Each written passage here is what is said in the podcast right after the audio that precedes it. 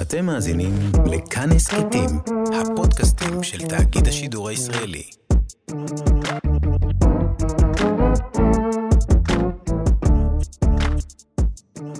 היי, מה נשמע? אתם ביואב על החדשות, אני יואב על החדשות רבינוביץ', והיום אנחנו מדברים על המשבר החוקתי וההתפטרות של יולי אדלשטיין והבג"ץ והכל בצל הקורונה, ואנחנו הולכים לדבר על זה עם שיר ראובן, שנמצאת בכלל עכשיו בהסגר, כי היא לא עובדת חיונית כאן בתאגיד, ולכן אנחנו מתקשרים אליה.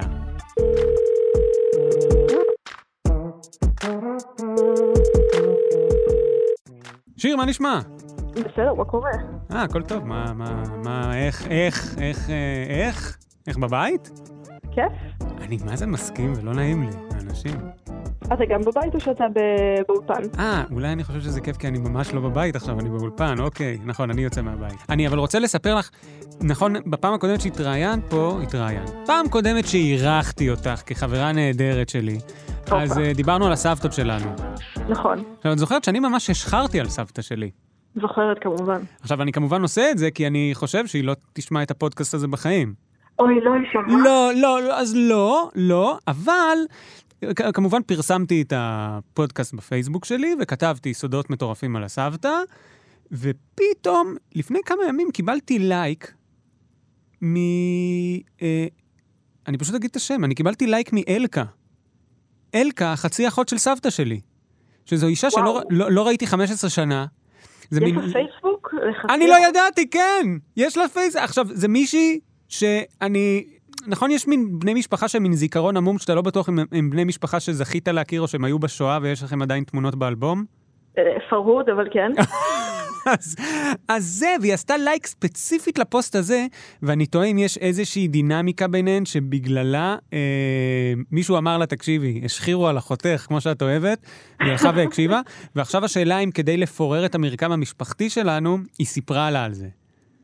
וואו, זאת שאלה מדהימה. אני... יש פה מיליונים on stake, כי המשפחה שלנו ממש מחכה לנכסים שם, ואם זה הולך לעזאזל, וואי, אני פשוט, אני מותח את הגבולות פה, אני לא יודע למה אני מדבר בכזאת חופשיות, אולי זה המגפה, לא, לא ברור לי אפשר למה. לעשות את מה ש... אני לא זוכרת מי עשתה את זה, מישהי ב nineties, שהיא רצתה לדעת מי מדליף את הסודות שלה. אה, אני יודע על איזה אה, סיפור את מדברת, כן? מי זאת? מי עשתה את זה? אה, זה היה, רגע, המדליפה הייתה, או, רגע, זה המשוררת אה, מיכל, זאתי בידיעות שיש לה טור, אה, שכתבה סמדר את... אה, שיר? סמדר שיר. אז היא הייתה מדליפה, אבל מי הייתה החכמה שעשתה את מיכל ינאי או חני נחמיאס? זהו, מה שנראה לי שזו הייתה מיכל ינאי, מיכל או יעל בר. זוהר, אבל משהו מהז'אנר הזה, אפשר כן. לעשות את זה כאן. אתה יכול לתת גרסה כאילו, ולראות. ולראות ו- אם זה מגיע לסבתא שלך. אם אתה מאבד את הנכסים או לא. וואי, זה יהיה נורא. טוב, אנחנו, אנחנו, יש מגפה, יש מגפה עכשיו בחוץ. נכון, כיף גדול. זה כיף, אני חושב אגב שיש משהו יפה במגפה הזאת, ואני לא רומנטיקן גדול. את- אתם מכירים אתה כן. נכון, אני קצת רומנטיקן. אבל נגיד, אם פעם, כשהייתי ילד חשבתי שזה נורא מגניב שכל העולם מסתכל על אותו ירח, נכון? יש בזה משהו מגניב? אוי, יואב, מה זה? אני מקסים, אני יודע שבפנים אני מקסים. ועכשיו מה שמדליק אותי, זה שכל העולם, כאילו, יש בן אדם אחד שנדבק מווירוס אחרי שהוא שכב עם עטלף, ועכשיו כולנו לגמרי. הולכים להידבק בווירוס מאדם אחד. זה לא מדהים שאנחנו כולנו באמת רקמה אנושית אחת חיה? זה באמת מדהים. זה גם מדהים, כאילו אותי זה הרבה יותר מרגש כמה אנשים אני מעסיקה. אני לא הבנתי שאני תאגיד קטן. אתה מבין למה אני מתכוונת? לא? כאילו, אני מעסיקה את, האיש, את uh, האישה של הציפורניים. אני אוקיי. מעסיקה עוד אנשים מתחום הביוטי שלא אפרט מה הם עושים לי, כי אני רוצה שזה יהיה סוד שלי. מעסיקה את הפסיכולוגית שלי, טוב, אנחנו עדיין בקשר. אני מעסיקה, אני, אני קונה דברים כל הזמן. אני הולכת, כאילו, והכל נעצר, והכל נעצר לכולם, וכולנו חלק, אני כאילו מתרגשת מהרקמה האנושית שהיא הכלכלה. כאילו, אני לא. פסיכולוגית כמוך. זהו, אבל לא, זה מדהים. זה מדהים שהווירוס שאנחנו הולכים לחטוף ושיהרוג את ההורים שלנו, הוא בא מאדם בסין. זה פשוט מטורף. בסדר. אבל אנחנו נצטרך לשנות נושא, אנחנו נצטרך לדבר על זה שבזמן שיש עכשיו את המגפה הענקית הזאת, האמת שקורה משהו מטורף בזירה הפוליטית, באמת, באמת מטורף, וזה, אה, טוב, אנחנו, מש, אני חייב להגיד שאנחנו מקליטים את זה ביום רביעי בשעה 7:20, כלומר, דברים יכולים להשתנות עד שאתם תשמעו את הפודקאסט, אז אנחנו עוצרים מצב אם עכשיו. תשמעו את הפודקאסט, איי איי איי. לא נכון, אבל uh, אנחנו עוצרים אותו בנקודת זמן הזאת, כי דברים עוד הולכים להשתנות. יש עכשיו uh, עניינים שקורים, אז אנחנו רק נסביר את זה אחורה.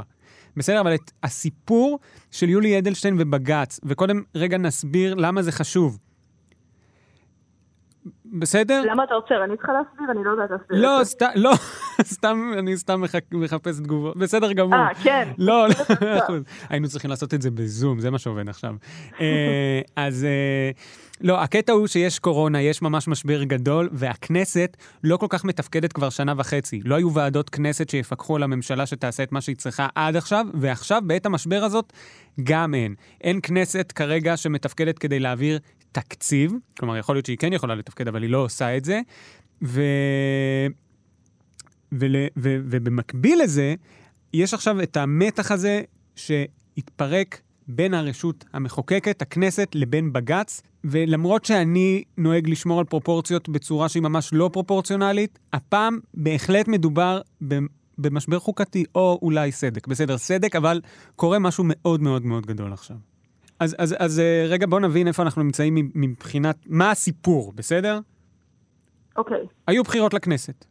נכון. לגנץ יש רוב שנתן לו את המנדט להקים ממשלה, אבל אין לו את הרוב שהוא צריך כדי להקים אותה באמת. כלומר, יש לו רק את המנדט, יש לו מנדט שהוא מקבל מהנשיא כדי לנסות להקים את הממשלה, אבל אין לו את הרוב כדי להקים ממשלה. יש לו 61 אנשים שתמכו בו לצורך הזה, אבל הם לא הולכים להצביע עליו כראש ממשלה כרגע. בסדר? הם לא ישבו אחד עם השני בגלל זה, נכון? נכון, בדיוק. המשותפת, הערבים, סליחה, לא רוצים או מוכנים לשבת עם אה, ליברמן, וגם להפך. הם לא מוכנים לשבת כרגע, האמת, בקואליציה מהסוג הזה, יש שם משבר. אוקיי, עכשיו- לגיטימי. עכשיו, מצד שני, גם הימין לא יכול להשיג רוב כדי להקים ממשלה. ולנתניהו כרגע אין את המנדט, כלומר, אין לו את היכולת להקים כרגע ממשלה לפי חוק. הוא צריך לחכות עד שהוא יקבל את המנדט. מהמם. בסדר? ועכשיו יש כל מיני מתווים שנדונים ביניהם, בין השאר, ממשלת חירום או ממשלת אחדות. עכשיו, לא משנה רגע ההבדלים, זה אומר ממשלה גם עם הליכוד וגם עם הכחול לבן. אבל זה מתווה שמנסים להגיע אליו הצדדים, לצורך העניין. אוקיי, עכשיו, ברקע הדבר הזה, כחול לבן רוצים להחליף את יושב ראש הכנסת. יולי אדלשטיין הוא יושב ראש הכנסת כבר שבע שנים מטעם הליכוד. הוא היה יושב ראש הכנסת... לפניו? לפניו היה רובי ריבלין שהפך לנשיא. אוי, חמוד שלנו. לגמרי. וגם אה, יולי רוצה להיות חמוד שלנו בקרוב. לא, זה לא יקרה. אה, פספס לא. לדעתי את זה. יכול להיות שעכשיו הוא עשה לעצמו איזה ברוך, אבל אה, בסדר, נראה מה יהיה. אני מרגישה כאילו אני מצביעה לו בריאליטי. כאילו, כזה, לא, לא, לא, יולי, סורי, איבדת את הקול שלי. השאלה אם הוא איבד את ה... זו שאלה, אבל מאה של מי שקובע. בדיוק, שלא, יש הרבה שקובעים, זהו, זה הכנסת, אבל אה, מאה אחוז. יכול להיות שזה פגע בו, יכול להיות שזה גם יצר אצלו אמ, עדיפות בבייס, יכול להיות שהימין דווקא יעריך אותו, אני לא יודע. זה בהחלט פוגע בתדמית הממלכתית שלו, מה שקורה, אבל אנחנו מיד נגיע לזה. יולי אדלשטיין היה עכשיו יושב ראש הכנסת, והוא עצר שני מהלכים מאוד חשובים. אחד, זה את היכולת להקים ועדות בכנסת. ועכשיו ועדה בכנסת היא דבר מאוד חשוב, כי צריך מישהו שיפקח על הממשלה. זה התפקיד של הכנסת, בין השאר, לפקח על הממשלה, לא רק לחוקק חוקים, אלא לראות שהממשלה מבצעת את התפקידים שלה. עכשיו, זה לא היה קיים שנה וחצי בערך עכשיו, ומה שיש לנו עכשיו זה ממשלה, שאני מזכיר, לא נבחרה, כבר היא שנה וחצי לא נבחרת. כלומר, זה אנשים שהציבור לא בחר בהם כרוב כדי שיהוו את הממשלה. הממשלה הזאת פועלת עכשיו במצב חירום, ולכן מתקינה תקנות שהן מאוד מאוד אגרסיביות. גם אם צריך אותן, הן אגרסיביות. ואת כל הדבר הזה, אין את הרוב, את העם, שיפקח מטעם, באמצעות הכנסת, שיפקח על הממשלה שהיא דואגת להם. ולא משתמשת בסמכות שלה בצורה לא טובה. מהמם. עכשיו, יולי אדלשטיין מנע את הוועדות האלה מלי, מ, מלהיווצר. צריך קודם אה, להצביע על, ה, על ההקמה שלהן. הוא מנע את היכולת הזאת. עכשיו זה הפך לעניין ממש ועכשיו זה אירוע לחוץ. גדול בגלל שיש מצב חירום, או בגלל גם, שלגנץ כן. קיבל את הרוב ראשון והוא רוצה לעשות את זה? אם אני מסתכל על זה לא רגע מהאספקט הפוליטי, אלא באמת מהאספקט הכביכול דמוקרטי, הוא לא כביכול, הוא דמוקרטי, עכשיו זה עניין גדול, כי גם אנחנו, כי אנחנו חייבים לתפקד. במהלך המש, המשבר הזה שיש עכשיו של המגפה, חייבים גם מישהו שיפקח על הכנסת, על הממשלה, אבל גם מישהו ש, שידאג שדברים קורים. כלומר, שיעביר תקציבים, ש... שיזמן, אם יש איזשהו משהו שלא קורה באיזשהו משרד, שיזמן את האנשים ו... ויתהה איתם למה זה קורה. כלומר, יש עכשיו משבר אמיתי שאנחנו, העם, הקול שלנו לא נשמע במה שהממשלה עושה. יש פה ממשלה שהיא על גבול הבירוקרטי מבחינת המנדט שניתן להם. זה אנשים שלא נבחרו לתפקיד שלהם עדיין, וואו. אוקיי? אה, עכשיו, כחול לבן, אנחנו כן חוזרים רגע לסוגיה הפוליטית. כחול לבן רוצים למנות גם, חוץ מהנושא של ועדות הכנסת, הם גם רוצים למנות יושב ראש כנסת מטעמם. עכשיו, יושב- למה?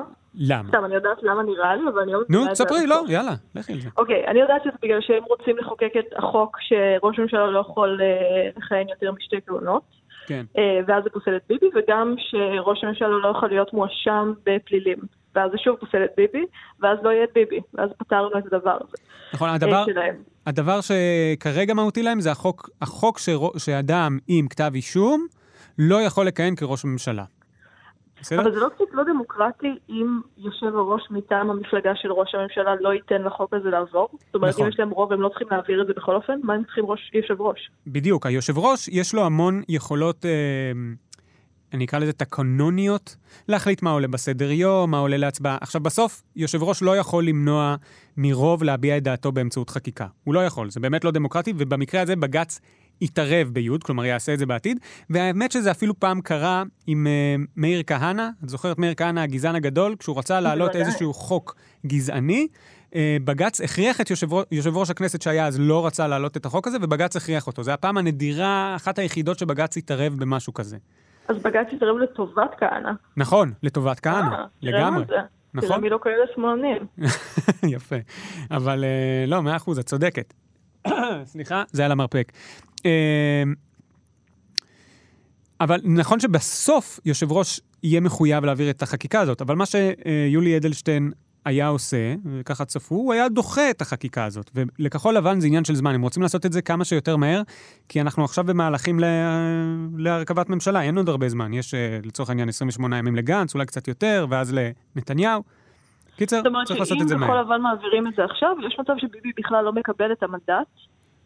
אני לא... הפעם. לא, זה יכול להיות, אבל השאלה היא... השאלה היא האיום של הבחירות הבאות, מה קורה. כלומר, זה שהוא יודע שאי אפשר ללכת לבחירות הבאות, והם מנסים לסנדל אותו. לא בטוח שזה יעבוד, אבל זה המוטיבציה שלהם. אה, עכשיו, מה צריך לעשות כדי לבחור יושב ראש כנסת? כדי לבחור יושב ראש כנסת צריך לכנס מליאה ולתת לה להצביע על זה. יולי אדלשטיין סירב לעשות את זה, סירב. הוא, ס- הוא סירב לכנס את הכנסת. מה, אני טועה? זה סירב או סירב? אני לא יודע, הוא זה סירב... נתפס כמו סירב. אה, אה, בואי נלך על זה. אני לא הייתי בגל"צ כמו רומטיק, העורך שלנו, שמסתכל עליי אחרי ההשתלמות שלו באבשלום קור. אה, ציפי גונגרוס לא העבירה אותי. אני עדיין בטראומה. והוא לא, לא הסכים לכנס את המליאה כדי להצביע על יושב ראש כנסת. הוא לא הסכים. עכשיו, באים ואומרים, מה זה, יש רוב, יש רוב בכנסת של כחול לבן בכל המחנה שלהם, 61 חברי כנסת ש, שביקשו להצביע על החלפת יושב ראש הכנסת. והוא לא מסכים. ונשאלת השאלה, מי שואל אותך? בדיוק. אדוני, וניתן את התשובה, תק... החוק. תקנון הכנסת. הופה. הייתי קרובה. לא, לא, את, זה לא קרובה, זה, זה התשובה. תקנון הכסף, הכנסת, ותקנון הכנסת זה, זה חוק. זה מה שנקרא חקיקת משנה. ואני לא אכנס, סתם, אני כן אכנס לזה. תקשיבי, יש מדרג של חוקים, יש מדרג של חוקים, יש כזה דבר. תקנון זה החוק הכי קטן. כשאת חושבת על חוק, מי מעביר חוק? הכנסת? נכון, הכנסת, ברוב, יש חוק. חוק רגיל הוא חוק שמתקבל על ידי הכנסת. וואי, אני חופר היום, זה בסדר? אותי זה מעניין. אה, יאללה, אוקיי. חוק רגיל זה חוק שקיבלה הכנסת.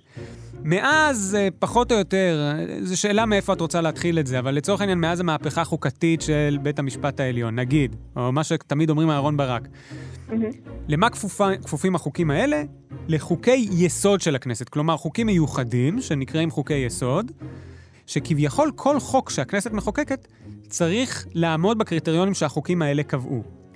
אוקיי? למשל, אם אני חוקקתי חוק שאומר שאסור לנשים לעבוד ברפואה, זה אז סותר... זה נגד חוק כבוד האדם וחירותו? האם אני צודקת? יכול להיות, ויכול להיות שזה נגד חוק אה, חופש העיסוק. שוויון? משהו שוויון? יש את אה, חוק, אוקיי. אה, חוק, אה, חוק יסוד אה, חופש העיסוק, אם אני לא טועה. וואי, אם תשאלתי זה יהיה לא נעים. חשבתי שיש כזה שניים הרבה יותר קל לנחש. לא, אז יש לא כמה. זה. ואז בית המשפט, כשהוא רואה סתירה בין שני החוקים האלה, הוא יבוא ויגיד, החוק היסוד הוא הכי חשוב. מה זה חקיקת זה משנה? כמו קרב פוקימונים כל הזמן של חוקים. בדיוק, לא, אה, אוקיי, מעולה. חוק זה צ'אר מיליון. חוק יסוד זה צ'אר איזארד. רגע, לא, זה אמור להיות הפוך. כי צ'אריזרד הוא אולי הכי גדול. זה האמצעי וצ'אריזרד זה הכי גדול. אני יודע, אבל אולי הכי גדול, אבל הוא גם ההתפתחות הכי מאוחרת. את מבינה? יש פה שאלה פילוסופית, האם אני רוצה להגיד שזה. צ'ארמנדר? וואו! קיצר, הוא לכל הפחות אה, בעל בז... אה, בכל מקרה. אז, והחוק הכי קטן במדרג זה, זה חקיקת משנה. חקיקת משנה זה למשל תקנות. נכון, עכשיו אנחנו כל הזמן שומעים על תקנות שמגבילים כן. אותנו? זה משהו שהממשלה או שר, או לפעמים ועדה יכולה להחליט עליה, וזה חוק שהוא לא יתקבל באיזשהו רוב גדול. אז יש גם גבול למה התקנות האלה, חקיקת משנה, יכולה להגביל אותנו בו. בסדר? כלומר, בסדר גמור. כדי לעשות תקנה חייבים בפירוש סמכות שהכנסת נותנת ברוב, כלומר, היא מסמיכה את שר הפנים להתקין תקנות בנושא ככה וככה, ורק אז הוא יכול לעשות כל מיני דברים, וגם הוא, זה בטח לא יכול לסתור חוק, וזה בטח לא יכול לסתור חוק יסוד. הצ'אר, הצ'ארמנדר לא יכול לסתור צ'ארמיליון, ובטח שהוא לא יכול לסתור צ'אריזרד. יפה מאוד. האנלוגיה הזאת ממש לא עובדת. למה שצ'אריזרד יסתור את צ'ארמנדר? אולי לא, בוויכוח, הוא אני לא יודע. לא יסתור, הוא- הוא- הוא נלחם. תחשוב שלמישהו יש צ'ארמנדר, ואז למישהו יש צ'אריזרד, שאם אני לא טועה, אפילו היה פרק כזה. לא שאני רוצה כאן, אה, אתה יודע. נו, לא, אנחנו כולנו יודעים, זה עונה שלוש, פרק מספר 27. ברור, בסדר. בבקשה. אוקיי. אז, אה, אז ברור שהצ'אריזרד מנצח את צ'ארמנדר, אבל זה גם נותן לצ'ארמנדר לאן לשאוף. אתה מבין? אם אתה מחוקק חוק קטן ואנטי דמוקרטי, אז הם יגידו, אנחנו נהיה רוב יום אחד, ואנחנו נהפוך לצ'אריזרד, ואנחנו נזיין אתכם, שמאלנים הומואים. מעולה. אוקיי, רגע, בואו רגע נבין משהו. כשכנסת נבחרת, יש לה אוטומטית יושב ראש כנסת. מי היושב ראש כנסת הזה? היושב ראש כנסת הקודם. אבל זה נכון. רק כי הוא ממשיך, לא כי הוא נבחר. זה גם בגלל חוק ששונה ב-2016, זה עד עכשיו היה החבר כנסת הכי ותיק, ויולי אדלשטיין שינה את זה ב-2016 לכך שזה יהיה חבר, אה, יושב ראש הכנסת שממשיך מהכנסת הקודמת. זה זה המשיך... נחש קטן, אה? כן, אבל אה, מה שמדהים זה שכולם הצביעו לחוק הזה, כולל, כן, כי כולם חשבו שהוא חמוד, אבל הם לא ידעו. אבל הם תקעו את עצמם. ומגיע כן. להם, כי הם לא חשבו על החוק הזה בזמן שהם הצביעו. כולל כאילו יש עתיד שרצו להיתפס ממלכתיים וזה, אז מגיע להם. איך אפשר לא לחשוב על חוק בזמן שאתה מצביע לו? הם סתם זרמו כאילו? זה כמו שאתה זורם בשיחה ואתה מספר סוד שלא היית אמור לספר? ההערכה שלי, וזה סתם פרשנות, זה שהם רצו לצייר את זה כאיזושהי הסכמה ממלכתית, כי הוא משדר את עצמו ממלכתי והם רוצים להיתפס, בסדר, לא יודע. זה מה שהם כן. עשו, יאללה, בסדר, תמיד. מפילים בפחים האלה את השמאל, שהשמאל אומר, היי, אנחנו בסדר דווקא, אנחנו לא שונאים אתכם, וזה תמיד פח. זה אף פעם לא עובד טוב, זה אף פעם לא לטובתנו. כן, אני אבל חושב שלומדים מזה. אגב, עופר שלח התראיין אצל ירון דקל, שאימת אותו עם זה, ואמר, כן, עשיתי טעות. עשיתי טעות שהצבעתי בעד זה, לא יפה מה שעשיתי. חמוד שלנו. בכל מקרה, מה שבא יולי אדלשטיין ואמר, תקשיבו, בתקנון כתוב ככה. אני לא מצטט, אני אומר מהראש. כתוב שהבחירות ליושב ראש הכנסת יהיו לכל המאוחר עד אה, ההצבעה על כינון ממשלה, בסדר? לצורך העניין, אה, גנץ אומר לנשיא שהוא יכול להקים ממשלה, מתכנסת הכנסת להצביע על הממשלה. במועד כלומר, הוא הזה... אומר, יש לי זמן, שחררו אותי. בדיוק, יש לי זמן עד המועד הזה. זה מה שכתוב בתקנון. זהו. זה כתוב בתקנון, מה רוצים ממנו? מה זאת אומרת מה רוצים ממנו? מה? זה כתוב בתקנון. אוקיי, נכון, זה כתוב בתקנון, זה בסדר, אבל זה מעצבן, כי אתה רואה שלא רוצים אותך. אז, זה כתוב בתקנון, ויש רוב, אז אתה סתם כאילו דוחה את הכיף שלך, אדוני. אבל מה זה יש רוב? כל העניין הוא, אוקיי, בוא אני אגיד לך ככה, התקנון הזה תוקן בגלל שחוק יסוד, צ'אריזרד, נתן, לו את אוקיי. נתן לכנסת את הסמכות לכנ- לתקן את התקנון, בסדר? אוקיי. יש סמכות. ובסמכות הזאת הם השתמשו כדי לכתוב את התקנון הזה. עכשיו, אתה בא ואתה אומר, כאילו את אומרת יש רוב, אבל בסדר, זה כל המשמעות של הסעיף הזה. ואז מה המשמעות לסעיף הזה אם אתה בא ואתה... כלומר, למה נתתם את שיקול הדעת הזה ל... ל... ליושב ראש כנסת? אוקיי, נתתם אני לו מקבלת את בעבר. מה שאתה אומר. אוקיי. אז למה בג"ץ התערבו? כי יש רוב, בדיוק מה שאמרת, מה זאת אומרת? נו, אז בסדר, יש רוב שרוצה להדיח את היושב ראש כנסת, ואת נתפסת איתי על תקנון שוועדת הכנסת לפני שנים, איזה כמה חברי כנסת שלא חשבו בכלל על הסיטואציה הנוכחית תיקנו, זה באמת, זה מצחיק. יש פה רוב שרוצה להדיח אותך. עכשיו, מה יותר משמעותי מה... בדמוקרטיה מהעיקרון של הכרעת הרוב, של רצון העם? מסתבר שתקנון. נכון! זהו, קיצר, יש פה איזושהי דילמה, בסדר? אבל זה דילמה, ואז אנחנו אומרים, אנחנו נמצאים במצב די חריג, אוקיי? והמצב הוא די חריג מהסיבות שמנינו בהתחלה. יש עכשיו מגפה. הממשלה הזאת, לא רק שהיא לא נבחרה, היא כבר לא נבחרת שלוש פעמים. כלומר, היא ממש לא נבחרת. אין לה לגיטימציה, סליחה, יש לה סמכות ולגיטימציה לעשות את מה שהיא עושה, אבל היא במה שב, שבית המשפט קורא לו גירעון דמוקרטי. היא לא נבחרה, והיא עושה דברים די, שוב, הם מזעזעים כי צריך לעשות אותם. אבל היא עושה דברים די מטורפים. היא לא נותנת לך לצאת מהבית, זה לא מטורף?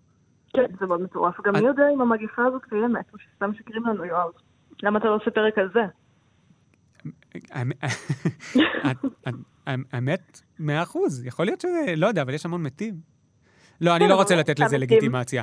אני יודע שהיא קיימת בגלל שאני כבר שבועיים משתעל בלי לך, וברור לי שמשהו פה קורה. קיצר, הממשלה הזאת לא נבחרה. הכנסת לא מתפקדת כבר שנה וחצי.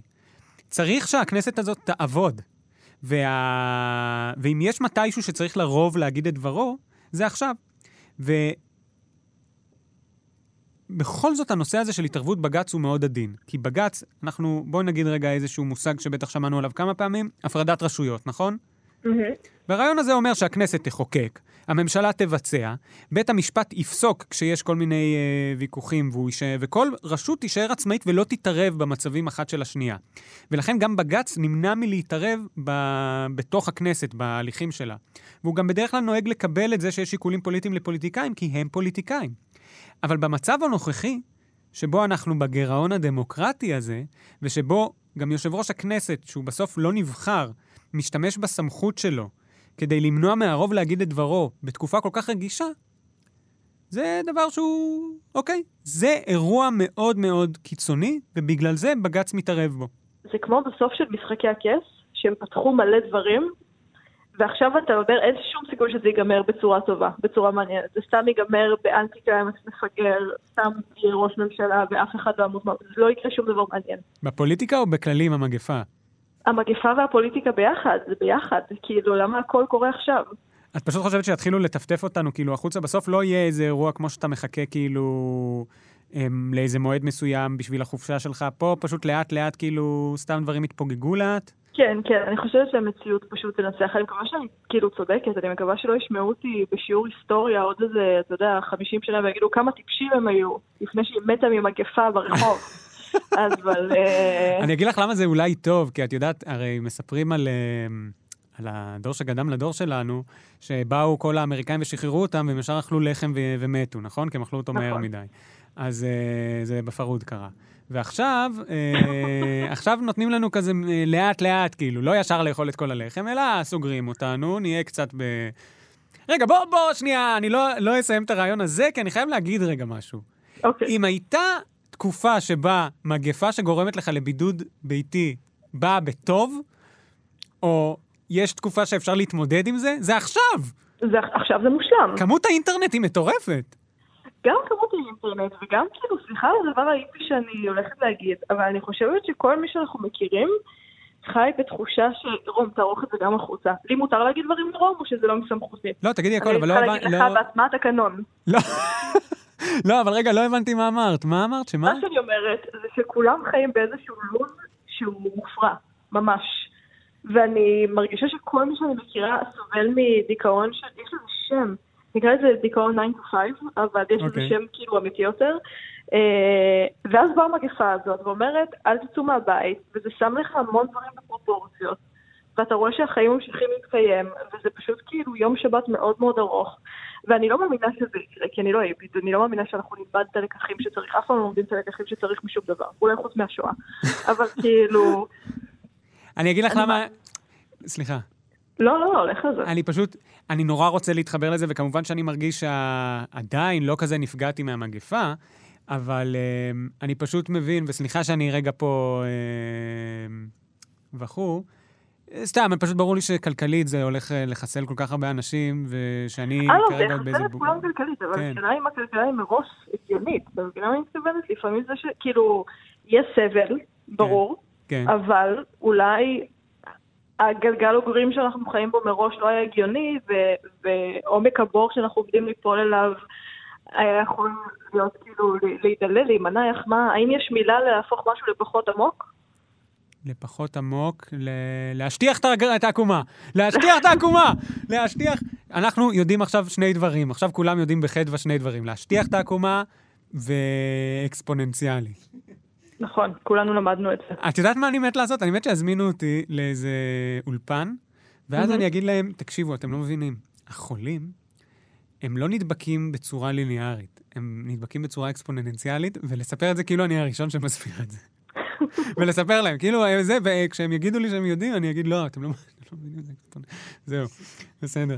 אה, אני מקווה שכולם ימותו ממגפה כדי שיוכלו להזמין אותך, כדי שאתה תהיה המומחה. כן, תקשיבו, נגמרו כל הרופאים, הם פשוט מתו מהידבקות. מי האדם של... אוקיי, יש פה... אוקיי, יואב רבינוביץ' עשה חמש יחידות ביולוגיה. זה נכון, אגב.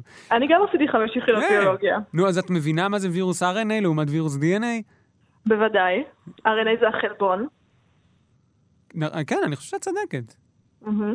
סתם RNA זה חלבון זה דבר, אה, זה מהדברים הבודדים שאני יודעת בביולוגיה, בגלל שהייתי ממש טובה בביולוגיה עד כיתה י', ואז בי"א-י"ב הבנתי שאני לסבית, אה, ופשוט הייתי יושבת אה, בבית כל היום ושומעת שירים של המכשפות, עשיתי חמש יחידות בלהיות לסבית. אני לא נעים לי להגיד, אבל הכותרת שאני לוקח מהשיחה הזאת היא שיר ראובן נקודותיים.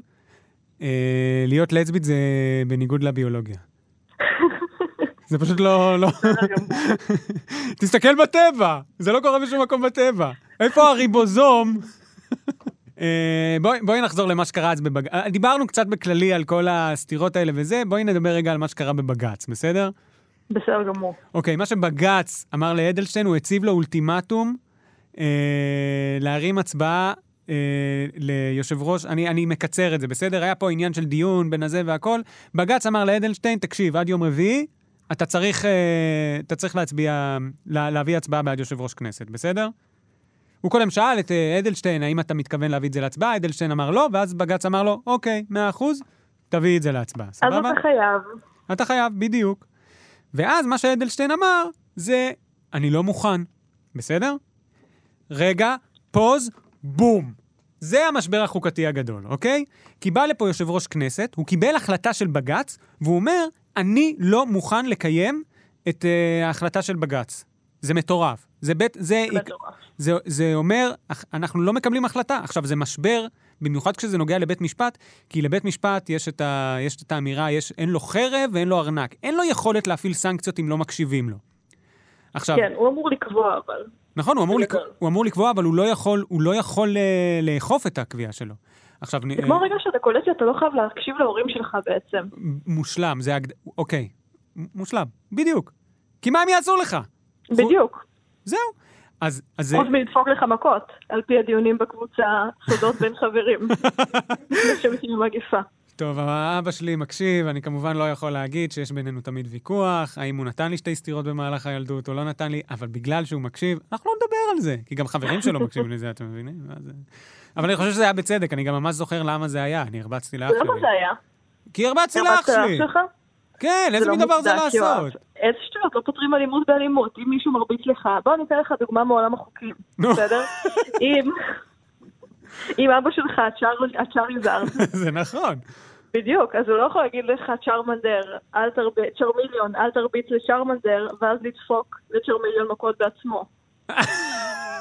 אני, אני חושב שסתירה מדי פעם זה בסדר, אבל בסדר, נערוך את זה החוצה, סבבה רוב. בכל מקרה, אה, אז, אז קיצר, אדלשטיין אמר לו, עכשיו זה באמת משבר, שוב, זה לא היה אף פעם, זה לא היה אף פעם. לא היה דבר כזה שממש אה, גורם ממלכתי או גורם שלטוני או בכנסת אמרו לא לקיים החלטה של בית משפט. אני מזכיר שלפני חצי שנה בערך, באיזה ראיון של עמית סגל עם השר אוחנה, אמיר אוחנה, כשהוא רק התמנה לשר משפטים, והוא אמר את זה, או שזה התפ...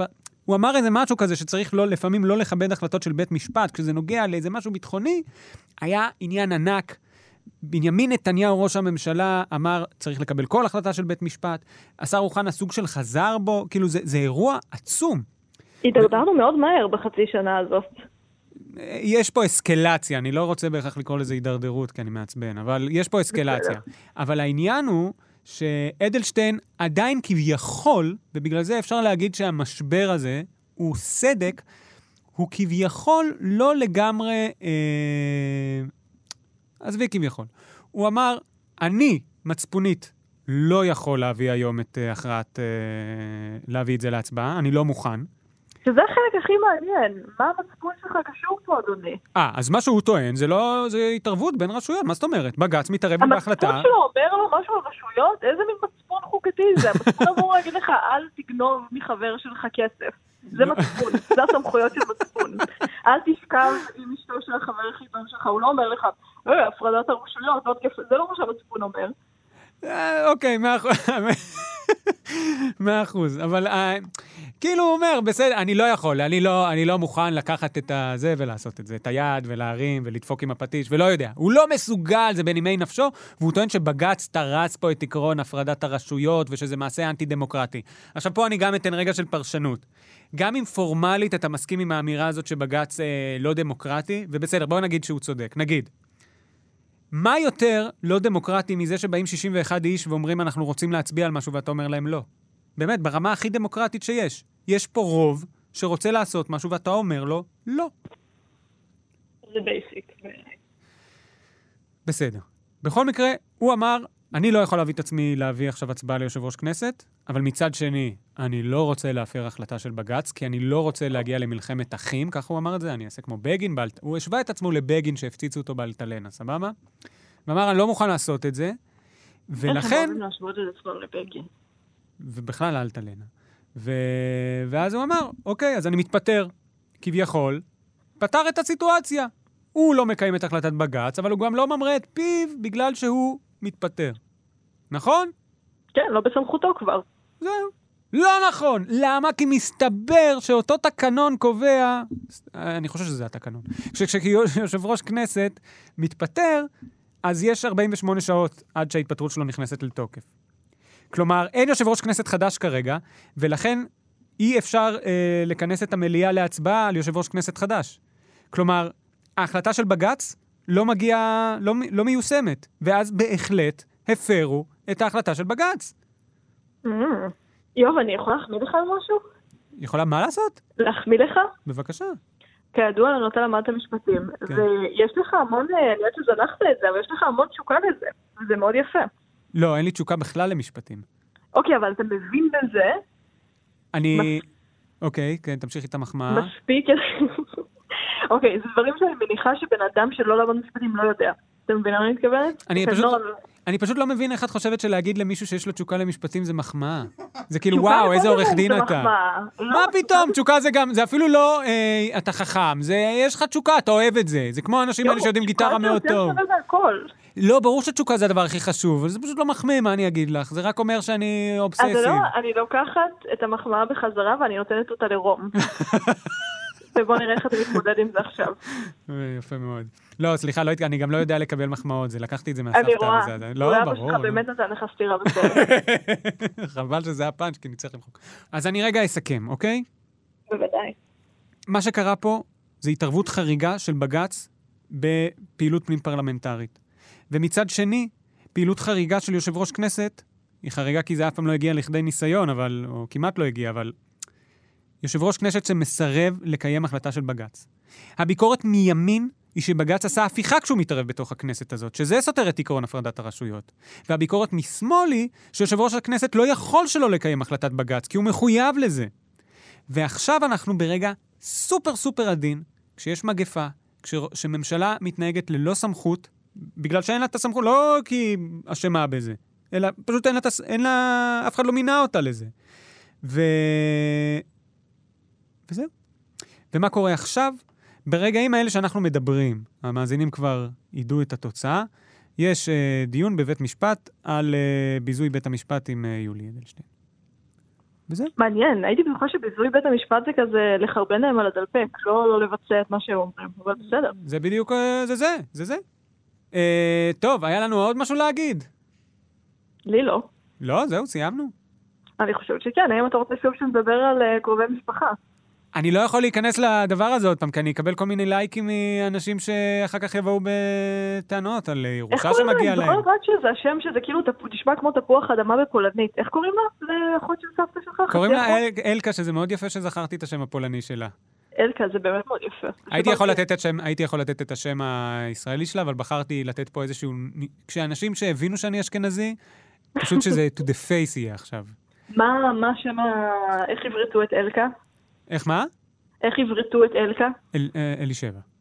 אה, זהו. אלישבע זה כאילו שם מחרמן, ואלקה אני באמת מדמיינת תפוח אדמה ממולא בתפוח אדמה.